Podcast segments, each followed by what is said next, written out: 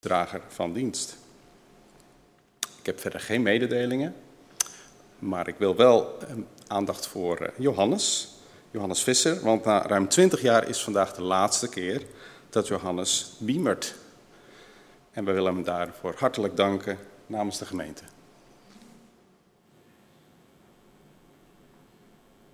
En dan zijn we een moment stil om ons voor te bereiden op de ontmoeting met God. Ik wens u allen een gezegende dienst.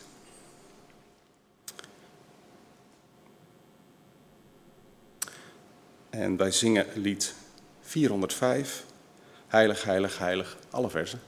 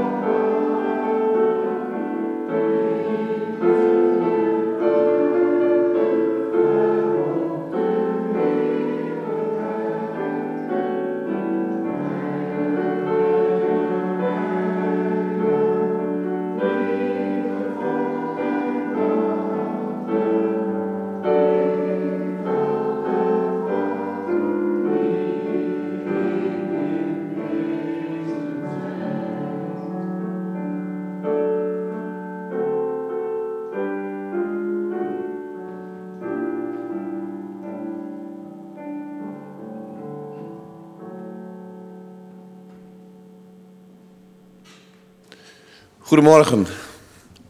Het thema van vanmorgen is, zoals al eerder vermeld, zorgen. En er zitten eigenlijk twee kanten aan zorgen. Een positieve en een negatieve kant, zoals ik het zie. De positieve kant is dat je ja, geconcentreerd blijft op de dingen die je overkomen.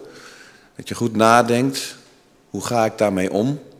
Hoe ga ik dat voor elkaar krijgen? Dat je gefocust blijft. En dat doe je omdat je uh, weet en ook gelooft dat jij in de ogen van God daarvoor de moeite waard bent. Dat je de dingen uh, op een goede manier uh, wil, wil doen, zeg maar. Dus in die zin zijn zorgen positief.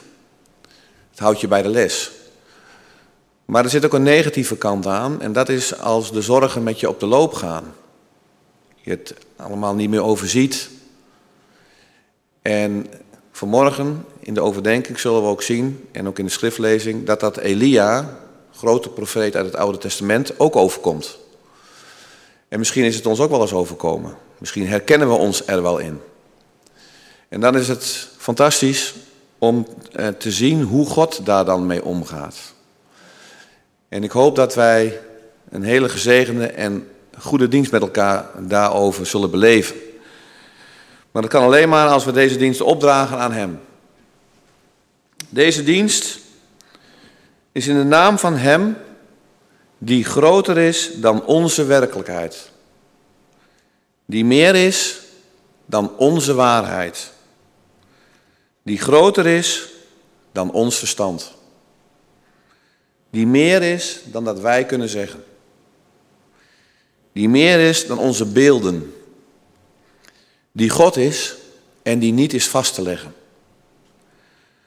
Maar aan de andere kant, zo mogen wij geloven, die zichtbaar wordt, waar zorg is voor elkaar, waar we mogen lachen, waar we mogen huilen, ontdekken, delen, zoeken, schuilen.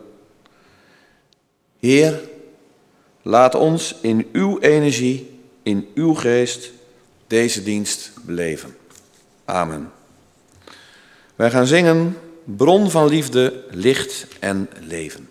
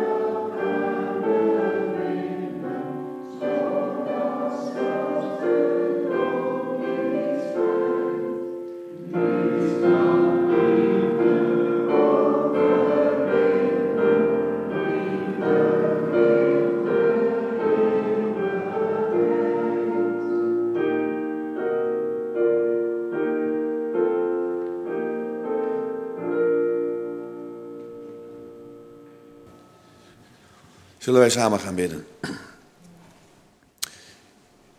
Heere God, zo willen wij tot u komen, Heer. In de wetenschap en in het geloof dat u de bron bent van alle liefde. En dat u graag wilt dat wij daarin uw handen en voeten zijn. Uw oren en uw ogen. En dat wij naar elkaar mogen omzien. En daarom is het ook zo geweldig dat we weer bij elkaar mogen komen Heer, daar zijn we dankbaar voor. Heer, soms zijn er grote zorgen in ons leven. En wilt u dan geven, wilt u ons dan inspireren met uw enorme energie, met uw enorme kracht, dat die zorgen niet met ons op de loop zullen gaan, maar dat we een manier zullen vinden om die zorgen een plek te kunnen geven. En als we om ons heen kijken, zijn er zorgen genoeg, Heer. In het klein, in ons eigen leven, in ons land, maar ook op wereldniveau. Heer, wij bidden u, ontfermt u zich over onze wereld. Ontfermt u zich over ons. Want wij weten ons afhankelijk van u. En kom zo deze dienst in ons midden. Dit bidden wij u om Jezus wil. Amen.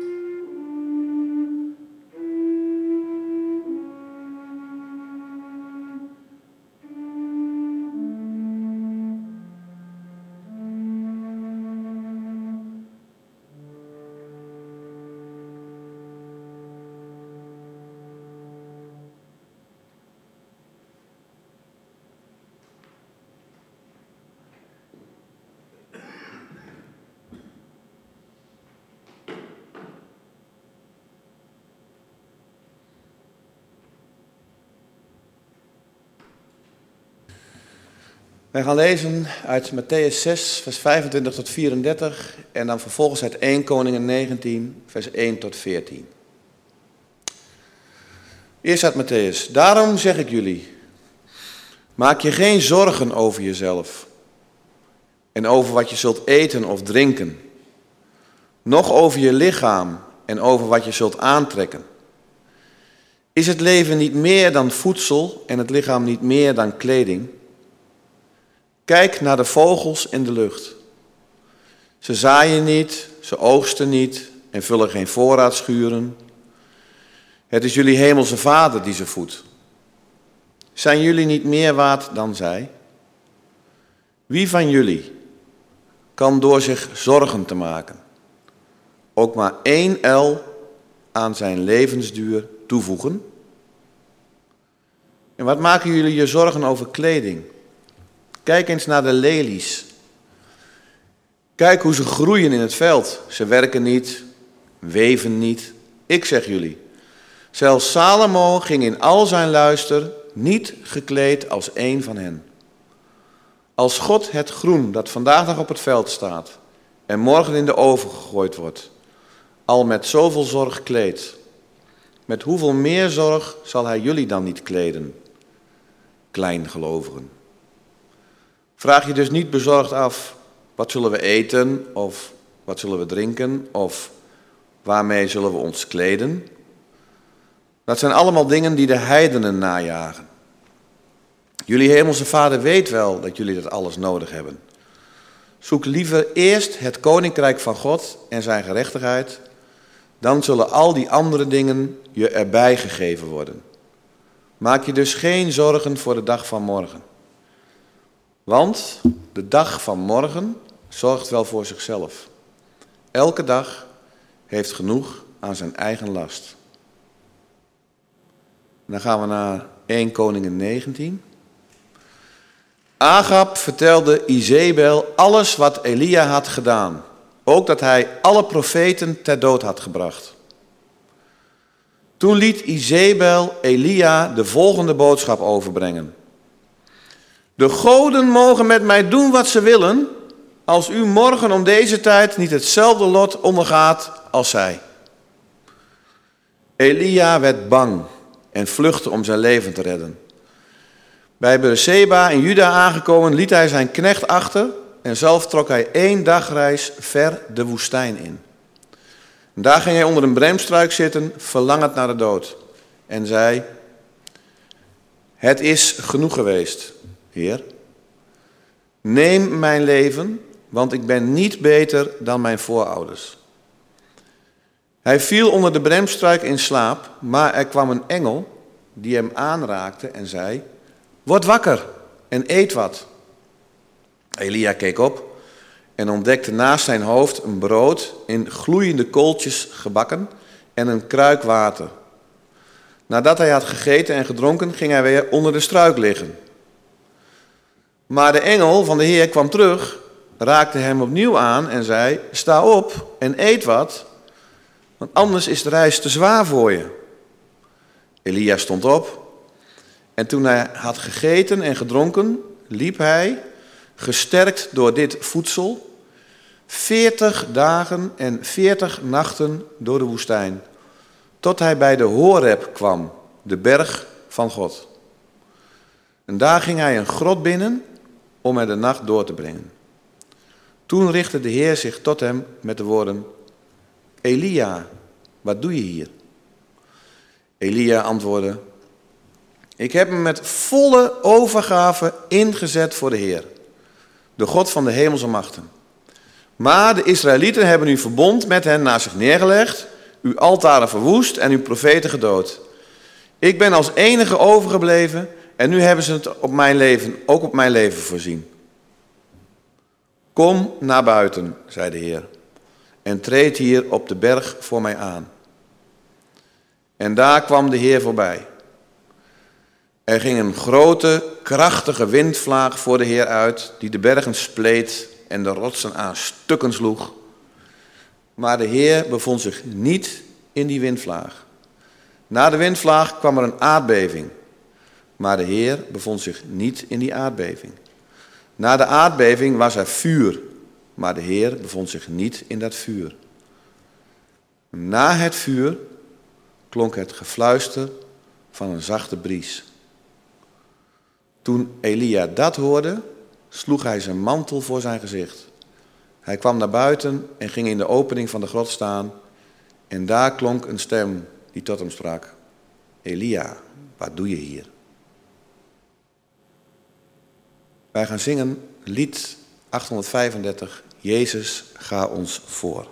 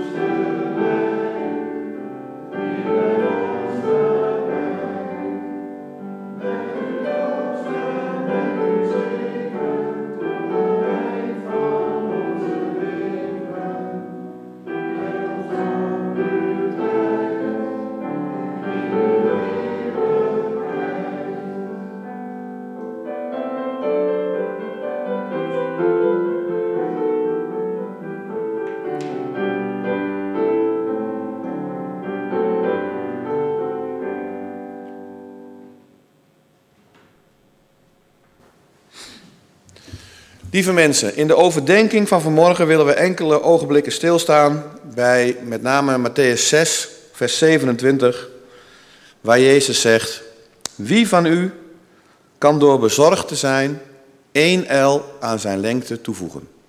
Wie van u kan door bezorgd te zijn één el aan zijn lengte toevoegen? Je zorgen maken. Dat kennen we natuurlijk allemaal. Gewoon even een paar voorbeelden uit de praktijk. Volgende week naar het ziekenhuis. Ik moet onder narcose.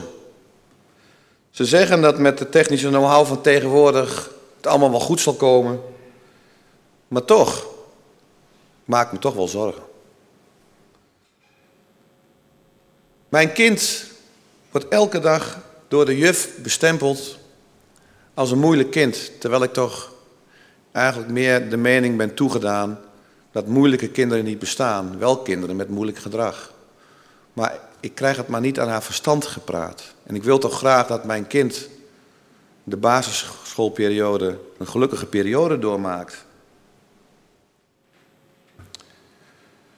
Op het werk krijg ik steeds meer het gevoel dat ik langzaam maar zeker naar de buitenste rand van het team word gedreven. Wordt natuurlijk niet tegen je gezegd, maar je voelt het overduidelijk. Je wordt steeds minder bij bepaalde dingen betrokken. Wordt achter je rug om geroddeld. Dat hoor je dan weer via via. Geldzorgen door corona. Hoe hou ik mijn hoofd boven water? Misschien ook wel zorgen om je huwelijk. Te veel draaglast, te weinig draagkracht. Te veel ruzies, te weinig tederheid. Zorgen.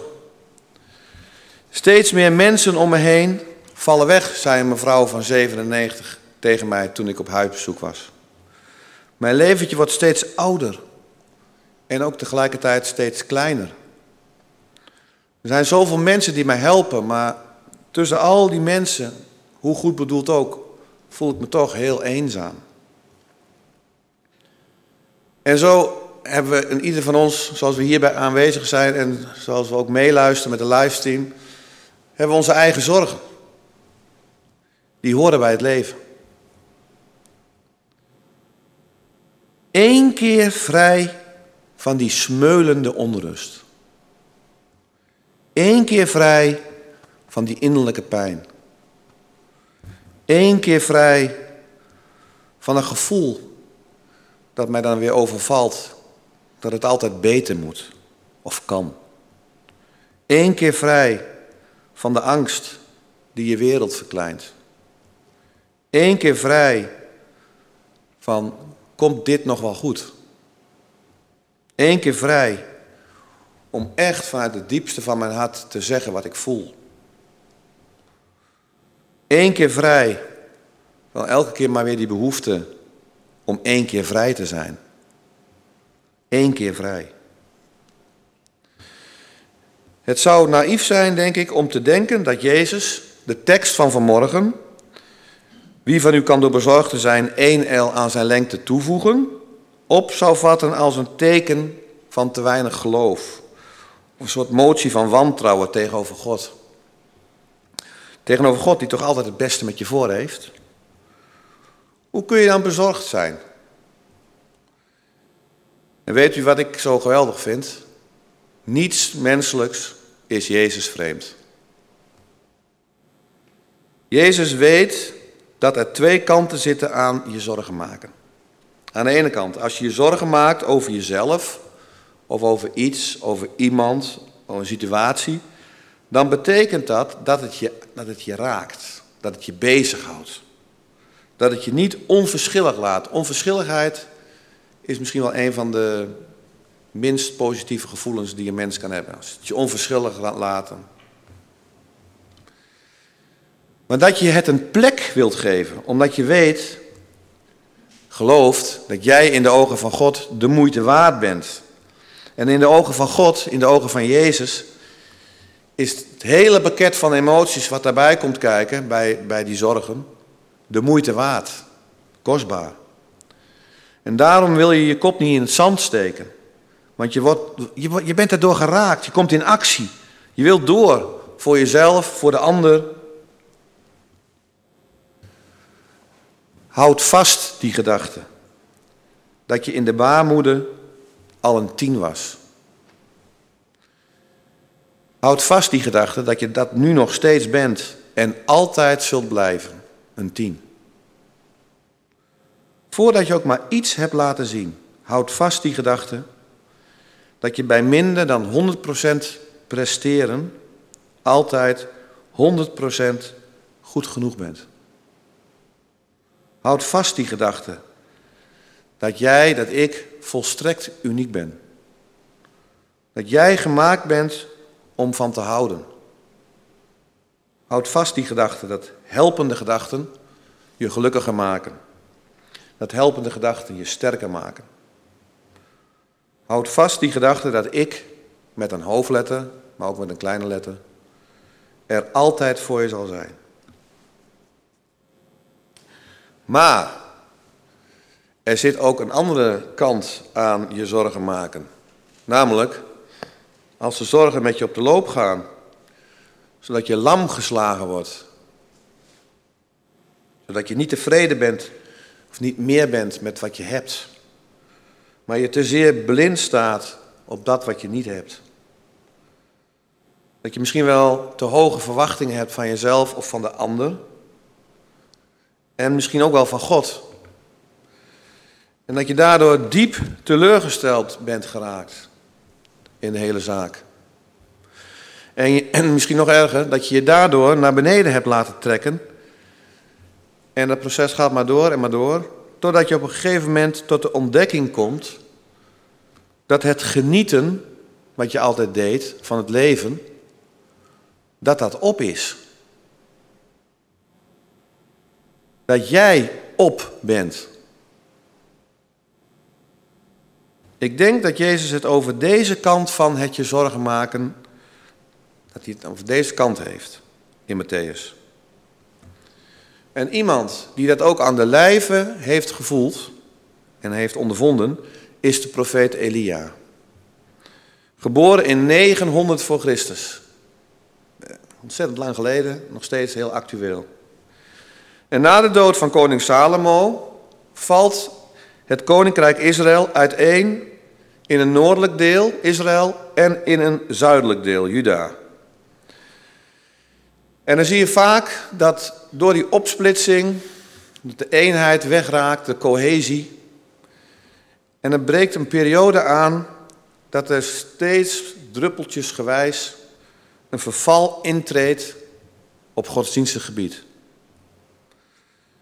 En de koningen die nemen het niet meer zo nauw met die eredienst aan Yahweh. Yahweh. Je ziet hem helemaal niet en zo, dat soort dingen. Ze worden ook beïnvloed door de volkeren om hen heen. En die geloofstrouw, die zo sterk was, die neemt af, die verzwakt. Wordt geflirt met andere goden. Met name met Baal, de cultus van Baal. En overal worden nieuwe tempels gebouwd, altaren opgericht. In deze context trad de profeet Elia op en kreeg vooral te maken met Agab, koning Agab, en zijn misschien nog wel ergere vrouw Izebel. En dan moet ik altijd denken aan zeepbel. Zeepbel. Die mooie zeepbellen. Soms heb je van die hele grote. Prachtig aan de buitenkant. Oh, mooi. Eén keer zo, poef, weg is het. Dust in de wind. En Izebel was de dochter van de koning van Tyrus en Sidon. En dat lag boven Israël. En die nam ook uh, de cultus mee van Astarte, vruchtbaarheidsgodin. En daar werd Agap weer door beïnvloed. En Elia, die ging namens God de strijd hiermee aan. Hij wou dat de rechtvaardigheid weer terugkwam. Want alles was zo krom als wat. Hij wou dat de liefde weer terugkwam in het geloof. Want allemaal van die regeltjes en cultussen. En, maar de liefde, die, die is er niet, dat stelt niks voor. En het volgende gedicht had zomaar van Elia kunnen zijn.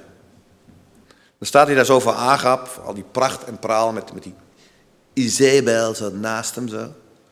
En dan zegt hij, Agap, wil toch even een paar dingen eventjes heel duidelijk tegen jou zeggen. Of je het nou leuk vindt of niet. Namens God. Jouw werkelijkheid, Agap, is een fragment van jouw totale waarneming. Nog een keer, Agap. Jouw werkelijkheid, waarvan jij denkt dat het 100% waar is, is slechts een fragment van jouw totale waarneming. En in die werkelijkheid is geen waarheid. Ja, jouw afgesproken waarheid, tuurlijk. Waar steeds weer een stukje afgaat als het jou uitkomt. En ook weer steeds een stukje bijkomt als het jou uitkomt. Waarbij de angst, misschien jouw eigen angst wel, of jouw angst voor uh, zeepbel, in dienst van de macht opereert. En vaak, Agap, lijken de grootste belangen de waarheid in pacht te hebben. En er zijn een heleboel mensen zo om jou heen die daarop meeliften. Ja, die zijn van die meelopers. Totdat iemand met een scherpe geest, en ik wil mezelf niet op de borst kloppen, maar ik spreek hier namens God met een scherpe geest. Iemand met een scherpe geest deze waarheid, poef, als een zeepbel uiteen laat spatten. Waarna, waarna het onrecht en de liefdeloosheid tevoorschijn komt. Zie je het, Agap? Keer terug. Het is nog niet te laat. En voor jou ook niet, Izebel. Het is nog niet te laat. Keer terug tot achter jullie verschrikkelijke verharding. Waar je toch ooit ook zelf, tenminste dat neem ik aan, liefde moet hebben gevoeld. Van je vader en moeder. Hoe heeft het dan zo ver kunnen komen dat je met zo'n dicht geschroeid geweten zoveel leed om je heen veroorzaakt? Hoe kun je nog rustig slapen, Agap? is natuurlijk, Agap is er natuurlijk niet van gediend en Izebel helemaal niet. En zo ontstaat er een krachtmeting, helaas, tussen Agap en Izebel aan de ene kant tegenover Elia aan de andere kant. Baal tegenover God. En in deze strijd voor rechtvaardigheid maakt Elia van alles mee. En dat kost hem enorm veel energie. Het put hem gigantisch uit. Want telkens is daar weer die dreiging van de machthebbers. Je moet er ook zoveel moed voor hebben. Nou, ik ken het tegenwoordig ook de voorbeelden. Mensen die hun mond opentrekken. In de gevangenis terechtkomen. En natuurlijk weet Elia, voelt Elia dat God bij hem is. Maar dat betekent nog niet dat het allemaal een roze geur en maneschijn is. Dat Elia niks kost. En dan is het wel even heel lekker, heel fijn, dat hij met behulp van God die schreeuwende Baalpriesters, die vuur wilden voor het offer, die dat vuur naar zich, naar aan het toeschreeuwen zijn, tot bloedens toe, had laten afgaan als een gieter. En dan een beetje zout in de wonden strooien, door te zeggen, jullie God uh, is zeker op vakantie, uh, of niet? Uh, of zit gevangen in zijn eigen gedachten? Of is hij zo moe geworden van jullie geschreeuw dat hij in slaap is gevallen misschien? Waar is hij? En uiteindelijk zegt het verhaal dat God antwoordt met vuur naar het offer toe, maar ook vooral vuur naar Elia toe. En dan roept heel Israël het uit: De Heer is God. En laat nou de naam Elia ook betekenen, de Heer is God, is mijn God. Dus er was een topmoment voor Elia. Dat is lekker hè, die topmomenten in je leven. Die topervaringen. Dat je denkt van, al is het maar heel even, nu kan het niet meer stuk. Of ook zo'n uitdrukking, dit neemt niemand mij meer af. Ja toch? En nu wordt het eindelijk anders. En dan begint het weer te regenen. En alles begint weer te groeien. En het gaat weer terug naar normaal. En Elia denkt, hè hè, zal ook eens een keer tijd worden. Eindelijk. Maar dan, die verschrikkelijke doodsbedreiging van Izebel. Elia wordt de meest gezochte en de meest ongewenste persoon van Israël.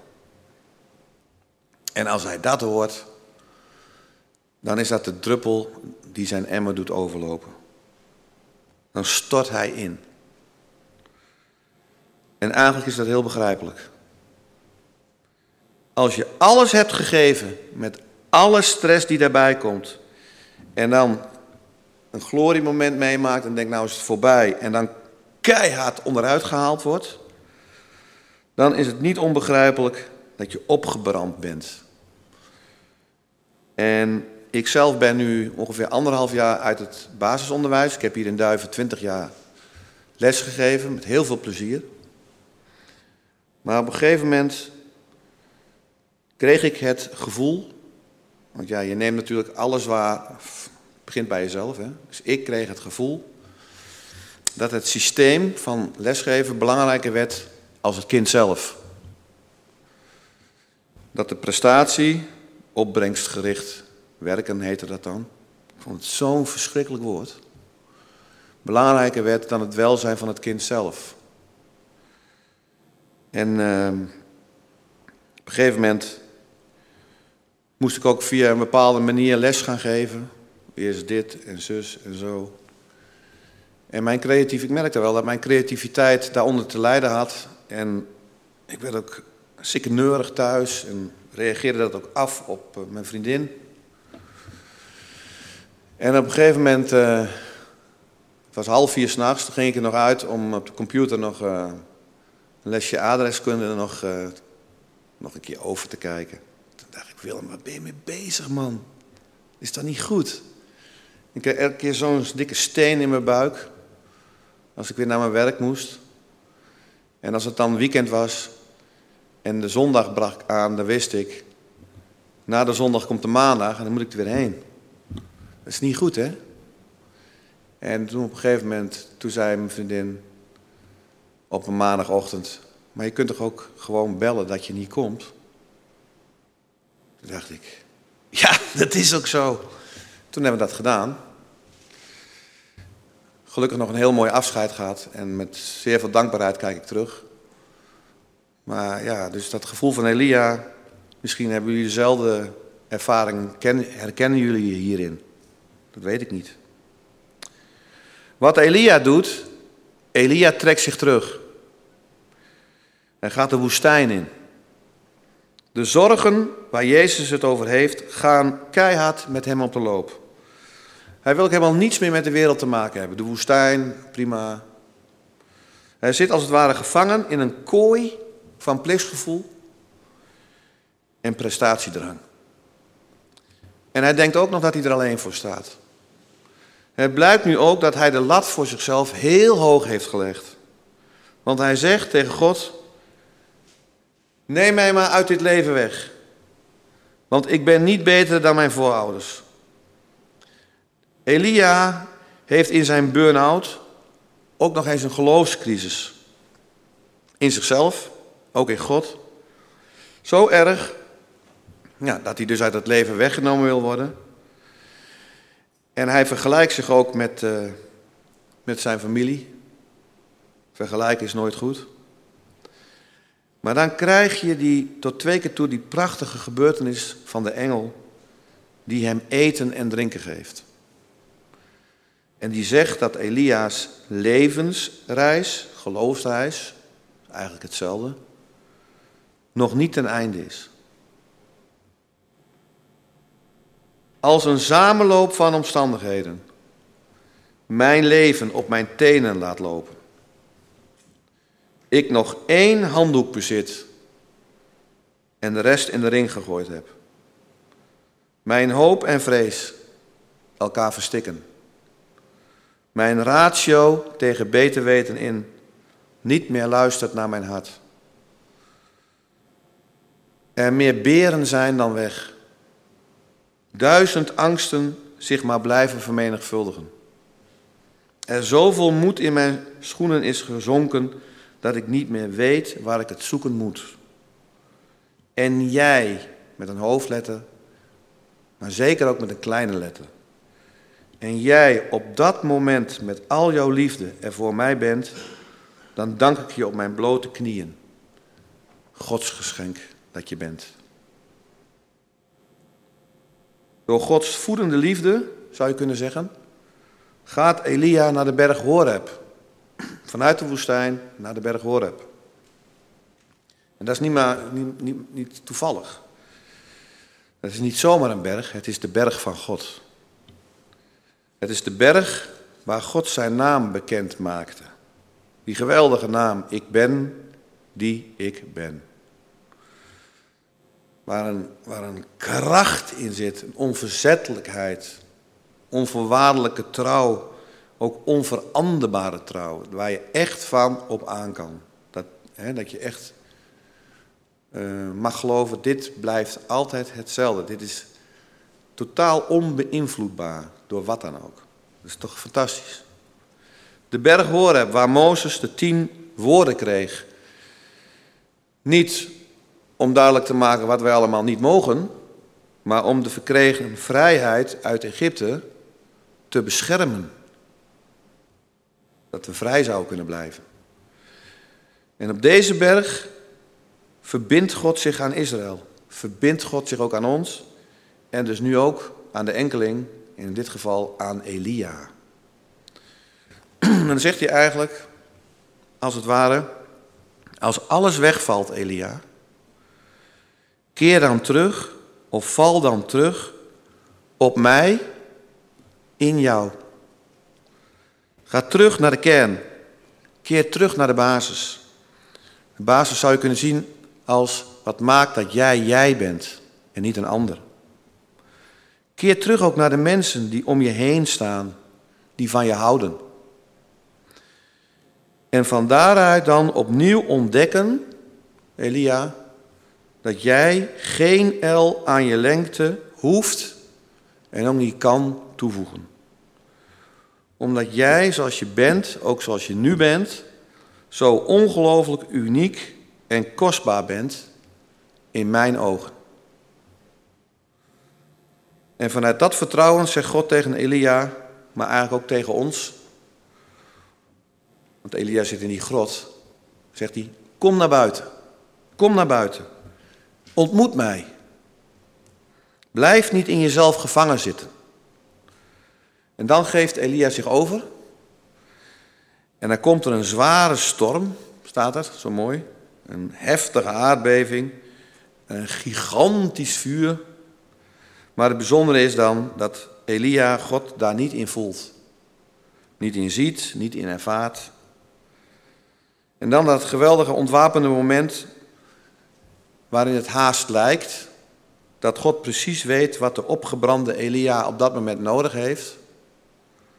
Dan komt God, staat er, in een fluisterend briesje. Is dat niet geweldig? God komt in een fluisterend briesje. Intens Elia aanrakend. Heel klein, groots, tederheid gevend. Die grote God, waarvan de Bijbel ook zegt, die de wereld, werelden, werelden dacht en zij waren, zo groot, die ons verstand helemaal te boven gaat. Zo heel dicht bij ons, in een fluisterend briesje. Andere vertaling zegt ademloze stilte. Of het zuizen van een zachte koelte. Een fluisterend briesje vind ik eigenlijk nog het mooiste. Ik wil eindigen met een gedicht. Tot mijn frustratie en teleurstelling sta ik jou weer te ontvangen. Regenbui van verdriet, zorgen, stress en mislukking. Het is je weer gelukt om tot diep in mijn hart naar binnen te druppelen en de woorden in te slijten. Het was weer niet goed genoeg. Jij bent niet goed genoeg. De lat en de stok bepalen wij. Dan zegt de intense, liefdevolle, warme en hartelijke stem van Jezus tegen mij. Wie zal door bezorgd te zijn één L aan zijn lengte kunnen toevoegen? En ik voel op hetzelfde moment het gefluister van een briesje. En ik mag staan en ademen in de aanwezigheid en de kracht van ik ben die ik ben. En tot mijn vreugde en dankbaarheid sta ik jou nu te ontvangen. Regenbui van bezinning en wijsheid. Het is je gelukt om tot diep in mijn hart naar binnen te druppelen en de woorden in te slijten. Het is goed genoeg. Ik ben goed genoeg. De lat is de stok. Heer, dank u wel dat u zo dicht bij ons wil zijn. Hoe wij ook zijn, welke situatie en hoe wij ons ook voelen. Amen.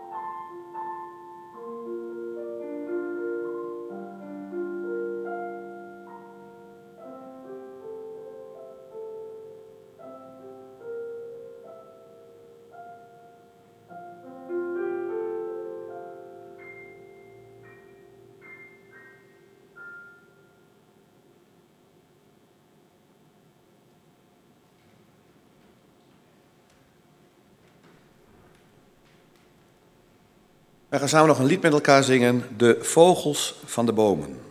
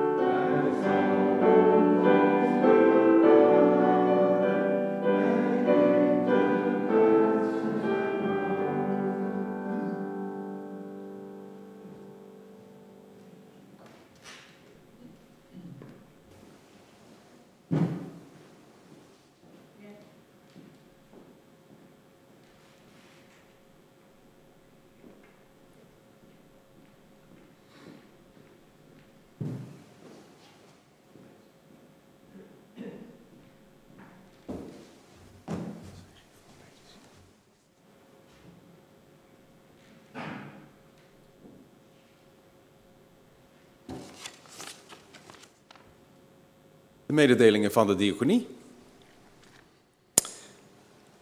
Achter mij staat een bos bloemen. En die gaat ter bemoediging en groet naar Mijnie Visser. Uh, graag uw hulp bij het brengen van de bloemen aan uh, Mijnie. En dan de collectes. De eerste collecte is bestemd voor het vaste project Schulphulpmaatje. En daar krijgen we nu een filmpje van te zien.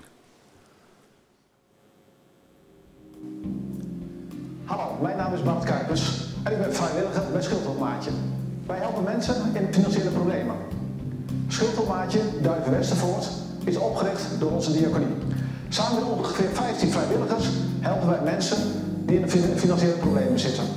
Wij helpen met overzicht en wij helpen met het maken van betalingsafspraken. Wij zorgen ervoor dat ze niet in een sociaal isolement kunnen komen.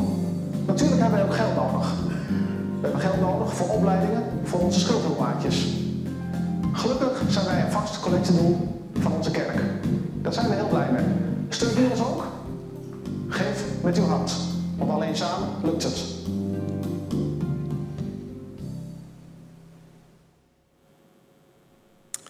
En de tweede collecte is bestemd voor jeugd- en jongerenwerk. De collectes worden u van harte aanbevolen. Uh, we hebben collecteschalen bij de uitgang staan, daar kunt u uh, doneren. Uh, we hebben de Give It app, die kunt u gebruiken. Of via de bankrekening van de diaconie, zoals eind van de dienst is aangegeven op de beamer en vermeld staat in kerkmail. Hartelijk dank.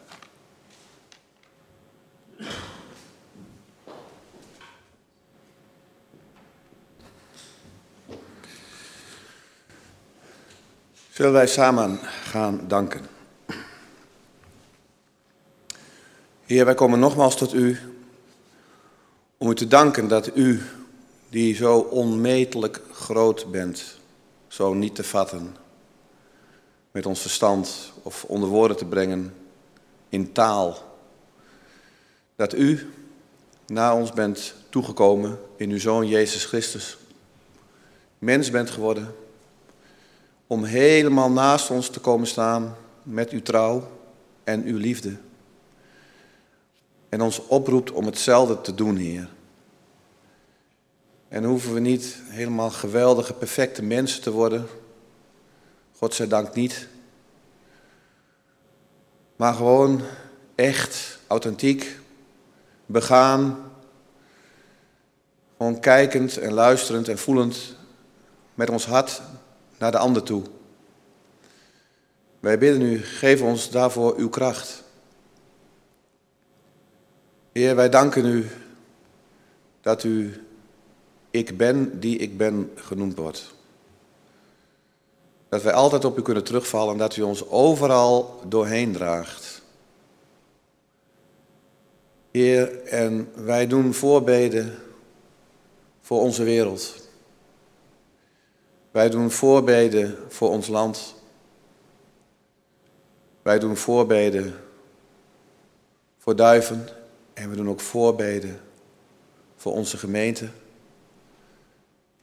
Het is het fijn om weer met meer mensen hier bij elkaar te zijn, Heer.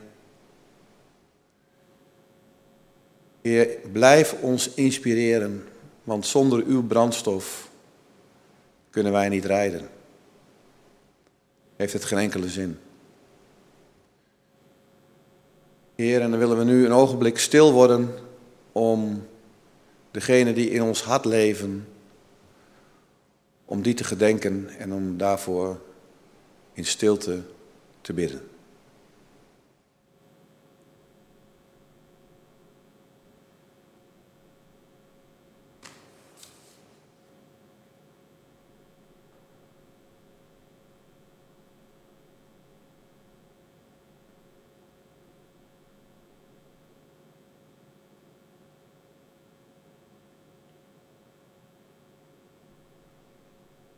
Dan willen we afsluiten met het Aramese Onze Vader. Bron van zijn die ik ontmoet, in wat me ontroert. Ik geef u een naam, opdat ik u een plaats kan geven in mijn leven. Bundel uw licht in mij. Vestig het rijk van eenheid nu. Geef ons wat we elke dag nodig hebben. aan brood en inzicht. Maak los de koorden van de fouten die ons vastbinden aan het verleden, zodat wij ook anderen hun misstappen vergeven. Laat de oppervlakkige dingen ons niet misleiden, want uit uw woord wordt de werkzame wil geboren, de levende kracht om te handelen. Amen. Wij gaan zingen, ga met God en hij zal met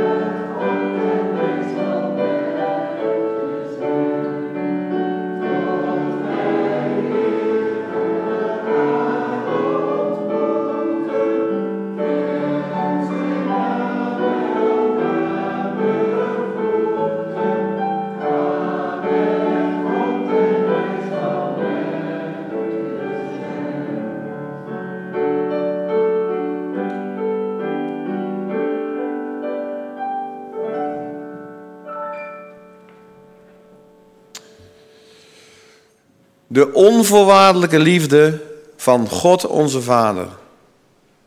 De alles vergevende genade van Jezus Christus onze Heer. En de intense troost van de Heilige Geest. Zij en blijven met ons allen. Amen. Wens ik u allen nog een zeer gezegende zondag. Dank u wel.